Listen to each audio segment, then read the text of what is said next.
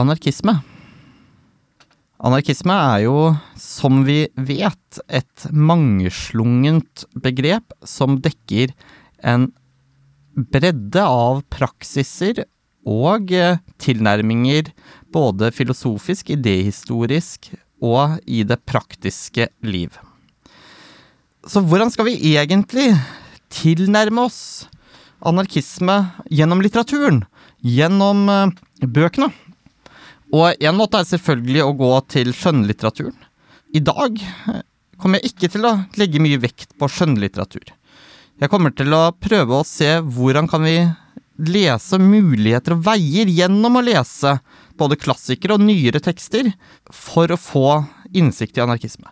Det første jeg vil si, eh, det er jo at anarkisme, i motsetning til, kall det den tradisjonelle marxistiske ideologien, ikke er noe du kan alene lese deg fram til verken av én bok eller av mange bøker. Velkommen til denne første episoden av Bøker og blomster i 2022. Meg kan du kalle Kamerat E. Og dagens tema er noe så uspesifikt og uoversiktlig og uorganisert som nettopp anarkisme. Og i dag har jeg ikke tenkt å dvele med én bestemt forfatter eller et bestemt forfatterskap eller én bestemt bok. I dag har jeg heller tenkt å prøve å åpne litt opp for muligheter og ideer man bør ha i bakhodet når man leser litteratur. Det første som jeg vil si, er jo at overblikk, oversikt over litteratur som er tilgjengelig, er et godt sted å begynne. Og da kan det være en idé å lese bøker eh, eller artikler som gir et inntrykk over hvilket litterært landskap som foreligger der ute.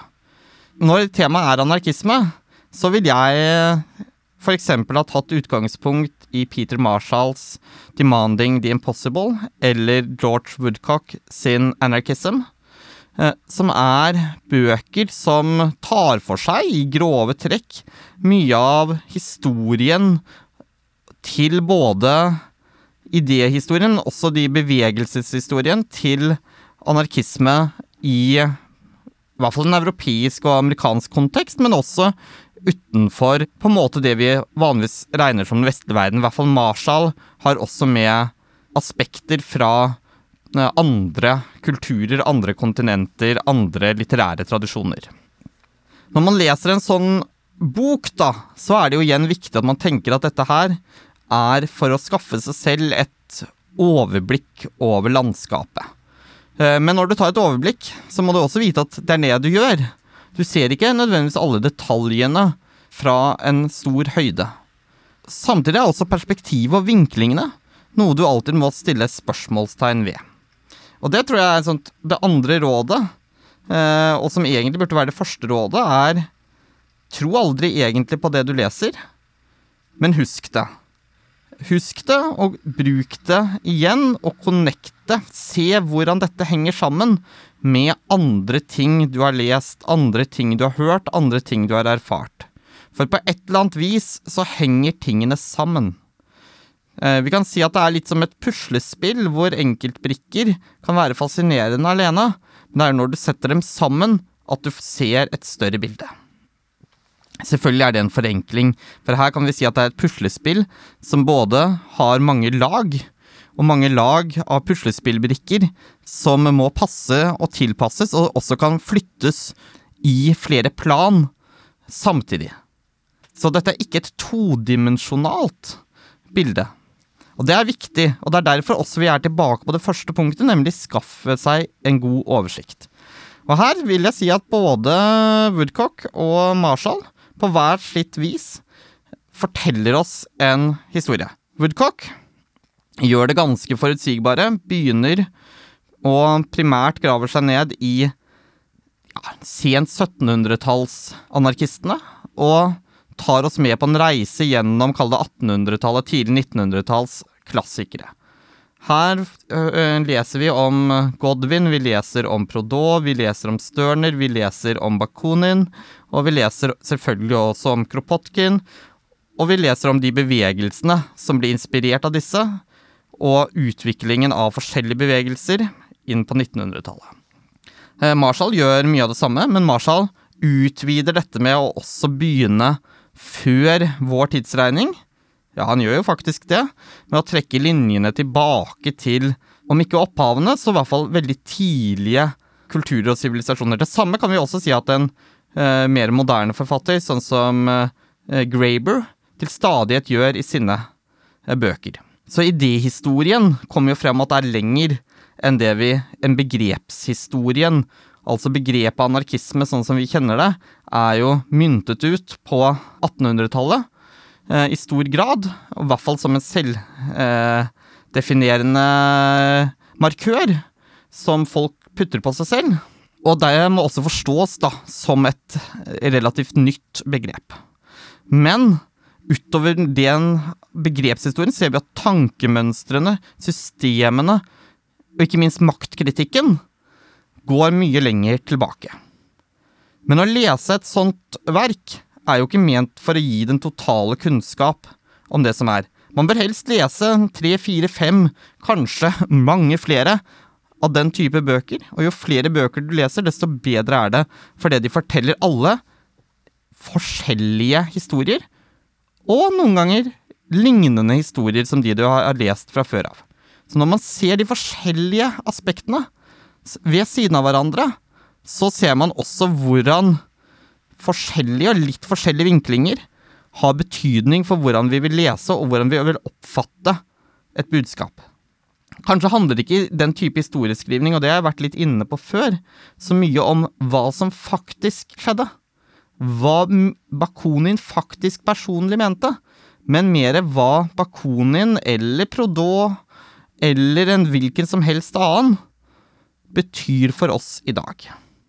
Så lese type monografisk historiebeskrivelse kan være et godt utgangspunkt for ikke minst videre lesning og fordypning. Der er eh, kildelista. Er, nå er vi over på det virkelige punkt to i min oppramsning, nemlig sjekk alltid ut kildelistene. Sjekk alltid ut bibliografien. Den står som regel bakerst i en bok, og jeg vil ikke si at du ikke skal kjøpe bøker som ikke har en god bibliografi. Men i hvert fall hvis vi tenker litt fagbøker, så er det veldig nyttig å se, for da ser vi med en gang hvilken inspirasjon, hvilken andre kilder, hvilken verk, hvilket, uh, hvilken dokumenter som forfatteren av et verk har brukt. Dette er jo det samme rådet som uh, ofte gis på lesekurs til uh, unge studenter, og som unge studenter ikke alltid velger å forholde seg til. Men det er utrolig viktig for å forstå hvordan bøker kan brukes. Og det er en inspirasjon både til å lese, men ikke minst til å få en kunnskap om hvilken litteratur kan være interessant å lese. Og hvordan henger litteraturen sammen? Det handler om å begynne å nøste opp, og det er det råd to her går på. Nøst i trådene. Start med denne monografien, historiefortellingen. Gå videre inn og nøst i trådene. Og når du nøster i trådene, så vil du igjen da støte på, ofte, primærkildene. De forfatterne som hele tiden er referert til, sitert, nevnt, sine verker. Det kan være bøker av Prodot, det kan være dokumenter av Bakunin, det kan være kronikker av Kropotkin. Selvfølgelig eh, er dette her eh, dokumenter, bøker, kilder, tekstkilder, som det er vel verdt å lese. Og her kommer vi inn på et annet punkt under det å begynne, som jeg er nå i nivå tre, å arbeide videre med litteraturen. For hvordan skal vi egentlig forholde oss til en tekst av for eksempel Bakunin? Eh, Bakunin skrev jo ikke så mange bøker, så det er ikke så mange bøker å velge mellom. Du, det er én du, du, har, da. Det er den som på engelsk heter God and the State. En norsk tittel vil kanskje være Gud og staten. Så hvordan skal man forholde seg til en sånn bok? Først av alt, eh, man bør åpne den og bla litt i den selv. Ikke ta for god fisk det andre har skrevet. Husk at hvis de finner enkeltsitater, så er det bare enkeltsitater, og det kan være helt forskjellige ting som står på samme side. I bøker er det også viktig, og spesielt sånne klassikere, å vite at det er mye støy. Mye som for oss i dag kanskje er mindre relevant. Ting vi ikke nødvendigvis trenger å bruke like mye tid og krefter på når vi skal bygge våre argumentrekker. I likhet med skjønnlitteraturen så kan vi si at også faglitteraturen på et eller annet vis både er knyttet til forfatteren, men også er frigjort fra forfatteren som et selvstendig argument som eksisterer utover forfatterens forestillingsverden. Og det betyr at de konseptene, de setningene vi konkret kan lese, de kan både være en del av forfatterens argumentasjon og forfatterens tankerekke, men det kan også være en helt selvstendig puslespillbit som kan inngå i vår egen tankerekke. Litt uavhengig av om vi er enig med tankerekken til forfatteren. Og dette kan høres litt sånn abstrakt og, og teoretisk og vanskelig ut, men allikevel vil jeg si at dette er utrolig viktig å ha i bakhodet. For det er en tendens til at det er lett å fordømme en bok eller et helt forfatterskap basert på et eller annet som ikke er bra, uten at man nødvendigvis på den måten kan kritisere resten av forfatterskapet og tankerekkene. Et eksempel her, eh, en som ikke var anarkist, eh, men som jo mange refererer til, og mange bruker og misbruker eh, i hytt og vær, er jo for eksempel Friedrich Nietzsche. Her kan du jo selvfølgelig lese ting inn i Nietzsche som har klare elementer av eksempel en dragning mot det autoritære, og noen vil si antisemittiske holdninger er til stede. Samtidig er det andre deler av tankerekkene, tankebildene og den litteraturen som Nietzsche skrev, som har en, også en annen relevans, og på sitt vis kan virke frigjørende fra nettopp de samme eh, bildene, stereotypiene og idérekkene. Hvordan vi velger å tolke og bruke tekstene, det handler om hvordan vi tar tak i dem, hvordan vi ser dem med våre øyne, men også hvordan vi forstår og vår kunnskap om språket, om språkets historie, men også om hvordan språket henger sammen utover den konkrete teksten. Og her er tekstens egen historie også en joker som spiller ved siden av. Så når vi da leser Bakunin, så er det mye vi ikke vil forstå med en gang. Eh, det er mange bilder vi ikke nødvendigvis skjønner, og som kanskje ikke er relevante for oss. For det at eh, Bakunin refererer til en diskusjoner, én diskusjon og flere diskusjoner i sin samtid. Han går i polemikk med, altså en opphetet diskusjon, med f.eks. andre nyhegelianere, andre materialister, eh, som eh, i den tiden var mer på linje med f.eks. Karl Marx, eller var også i opposisjon til Karl Marx, men sto for en annen versjon. Han argumenterer inn i et bilde som vi ikke nødvendigvis har eh, kompetansen til å kjenne i utgangspunktet. Likevel så er det ting som står, som hvis vi tar det, både kan leses isolert sett, men også leses som et selvstendig argument. Og det argumentet vil ikke nødvendigvis representere Bakunin i seg selv, men det vil representere et argument som Bakunin skrev. Og det argumentet kan ha gyldighet selv om den øvrige teksten ikke har gyldighet. Dette her eh, mener jeg er helt grunnleggende ting når det kommer til lesing. Dernest så er det også viktig, da. Nå er vi kanskje på fire, eller så er vi på tre og en halv. Men det er å forstå at sannhet er høyst fleksibel. Og nå kan du høre liksom alarmen uh, lyse her. Er dette her sånn konspiland? Og da må jeg bare si at Bakonen som vi har litt i bakhånd her i dag, var jo en han elsket konspirasjoner, eh, så han opprettet flere hemmelige samfunn og prøvde å få undergrunnsbevegelser til å fungere på tvers av hele Europa. Han var langt flere, bedre til å liksom eh, være på konferanser og møter enn som egentlig undergrunnsaktivist. Og brukte all tida si på det i stedet for å skrive bøker, så derfor har vi veldig få bøker av Bakunin. I motsetning til f.eks. Prodot, som brukte mesteparten av sin tid på å skrive bøker. Og her kan man stille spørsmålet hva er det som blir bevart i ettertiden? Jo, bøker blir bevart over generasjoner, så de som skrev mye, men kanskje ikke gjorde så mye i sin samtid, har en lei tendens til å være de vi husker best, for det er mest litteratur å forske på.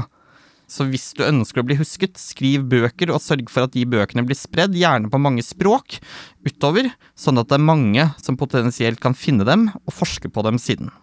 Det er sånn eh, denne litterære samtalen og også da den litterære bevisstheten dannes gjennom bøker. Det var en lite sidesprang.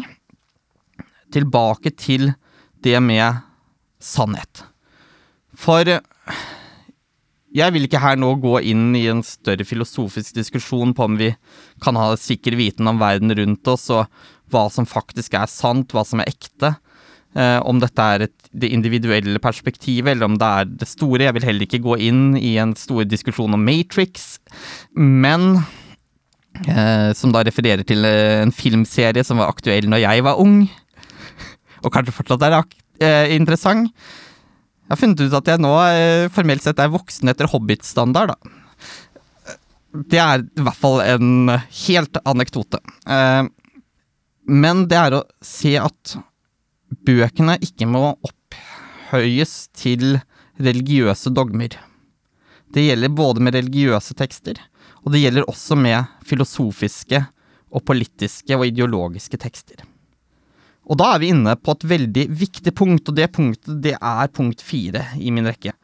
Og det er når vi da ser på ja, eksempel Bakunin og God and the State, vi er litt på den i dag, så ser vi at en av de tingene Bakunin advarer mot, er jo denne idoliserte, opphøyde teksten, eller autoriteten, som han kaller det.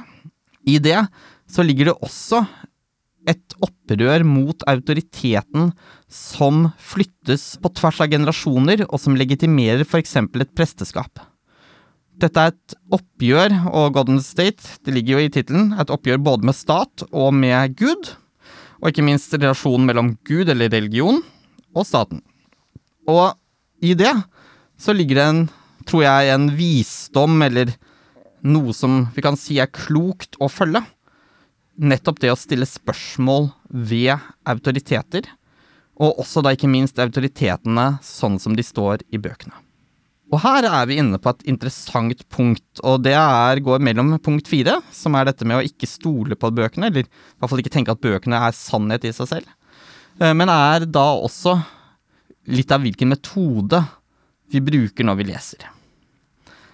Og her er, tror jeg at det er viktig å anvende hva jeg vil kalle en anarkistisk metode. Og i det ligger det at metode i seg selv verken er feil eller riktig, men du må vite hva du gjør, og du må føle at det er riktig det du gjør. Marxister har en lang tradisjon med å ha studiesirkler. Kristne har en lang tradisjon med å ha bibelgrupper.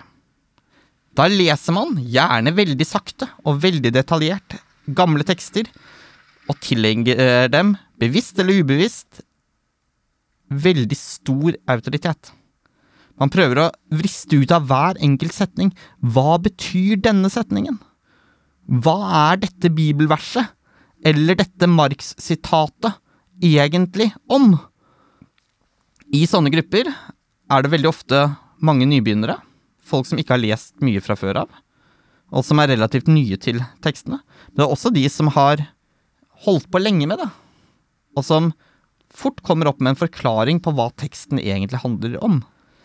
I så måte så kan vi si at i motsetning til en kritisk lesning, som veldig ofte er det man markedsfører, for å bruke det uttrykket, en sånn studiesirkel, i hvert fall på venstresida, så vil man ende opp veldig fort med, i stedet for å være kritisk på et selvstendig plan, adoptere både fascinasjon, kritikk, men også adoptere et system av autoritet fra den teksten og de andre som påberoper seg en autoritet i forhold til teksten, Og på den måten beveger man seg kanskje ikke så langt videre, men man reproduserer eh, på mange måter et allerede etablert inntrykk.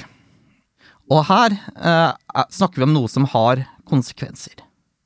Dette har konsekvenser for hvordan man forstår tekst. Det har også en konsekvens for hvordan man bygger strukturer, men også maktstrukturer. Her vil jo jeg i stedet si at det finnes andre måter å studere på. Andre måter å diskutere på. Og den viktigste man kan gjøre, er å både studere alene, men også å lese forskjellige ting sammen.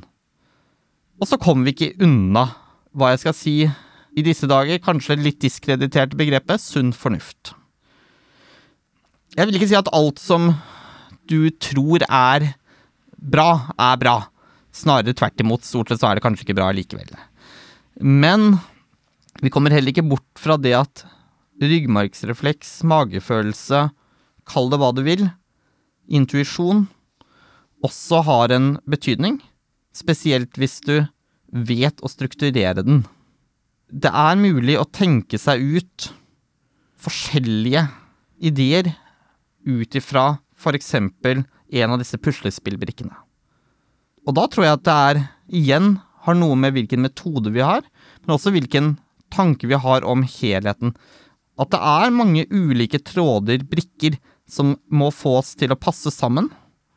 Men samtidig også hvordan vi plasserer det, hvordan disse brikkene egentlig skal gå sammen. Det er noe vi til syvende og sist faktisk må tenke ut også selv.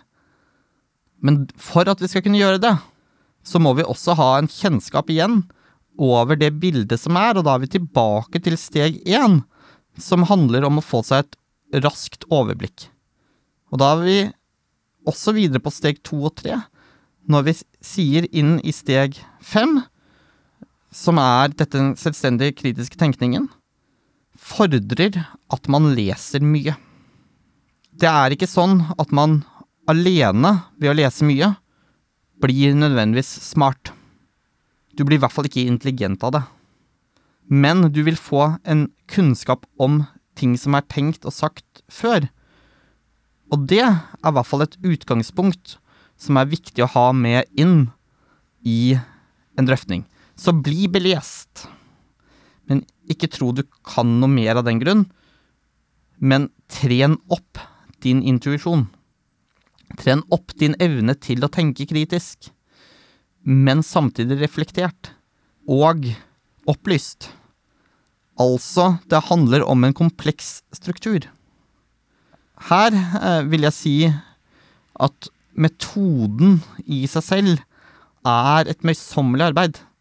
Hvis man ønsker å lese seg opp på anarkisme, og forstå anarkisme, så handler det basically om å forstå mennesket og menneskelige tankeprosesser, menneskelig atferd.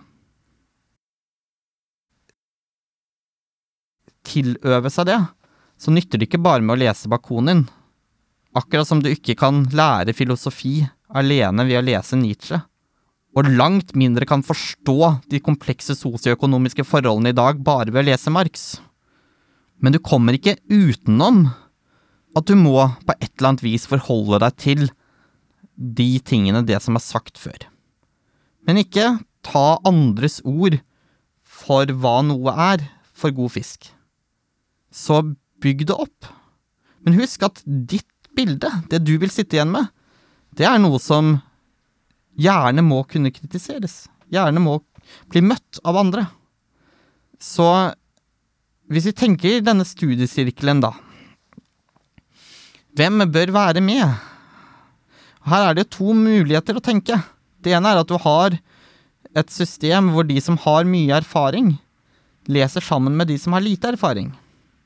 Med tanken på at du skal overføre erfaring mellom leserne.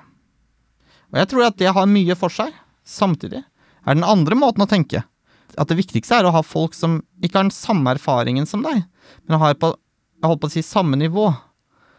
Sånn at hvis man tenker seg at det i denne gruppa skal være en diska, diskusjon, en dialog, så skjer den mellom to, jeg holdt på å si, likevektige aktører.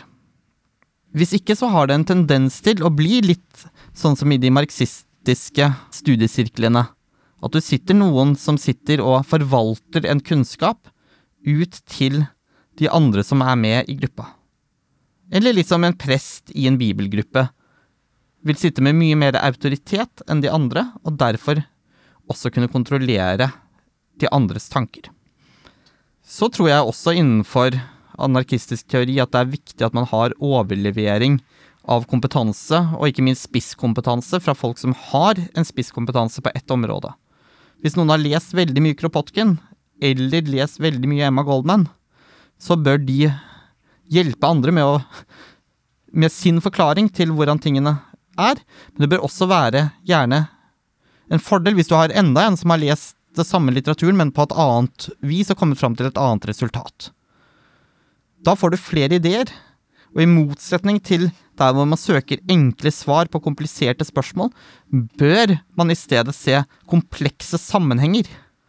Komplekse sammenhenger hvor ikke A er lik B, og i hvert fall ikke A er lik A, men hvor du kan se at tingene henger sammen på en kompleks måte. Da vil du også avsløre, tror jeg, lettere maktstrukturene som ligger i all vår kommunikasjon og all vår kunnskapsformidling. Da vil du avsløre presteskapet, for å holde oss litt innen Bakonins terminologi her, da. Og du vil også se mangler ved litteraturen. Og kanskje vil du også bli inspirert til å skape din egen litteratur, som vil kunne inspirere andre igjen i framtiden. Men starten og utgangspunktet, siden vi nå, i hvert fall hvis du hører dette i starten av året, når denne episoden blir lagt ut på, på der hvor du finner bøker og blomster, så kan du jo begynne med å gå til bokhylla di og finne fram et par-tre bøker som tar for seg de lange linjene i historien, hvis du ikke allerede har lest det. Finn eksempel Woodcock eller Marshall eller Graber, og begynn å lese de lange linjene. Men ikke la deg fascinere for mye. Hvis du føler at du blir for euforisk av å lese dette, les noe annet som du garantert vet du ikke vil like å lese. Hvorfor? Ikke fordi du skal bli overbevist om at det er eh, bra, eller at det er dårlig, Nei, eh, for at du skal nettopp se at det også er litteratur. Også når du har brukt de to første månedene av året på dette, så vil jeg anbefale å bruke litt tid på klassikere. Men les også andre typer tekster. Les moderne tekster. Les tekster som ikke har noe med, tilsynelatende med disse tingene vi snakker om her, å gjøre i det hele tatt. Og så bruk mye tid på å snakke snakke med andre om det du leser. Bortsett fra i de periodene hvor du trekker deg tilbake for å lese og meditere over tekstene i ro og fred. Arbeid med tekstene, kjemp med dem, og ikke la deg fange av dem.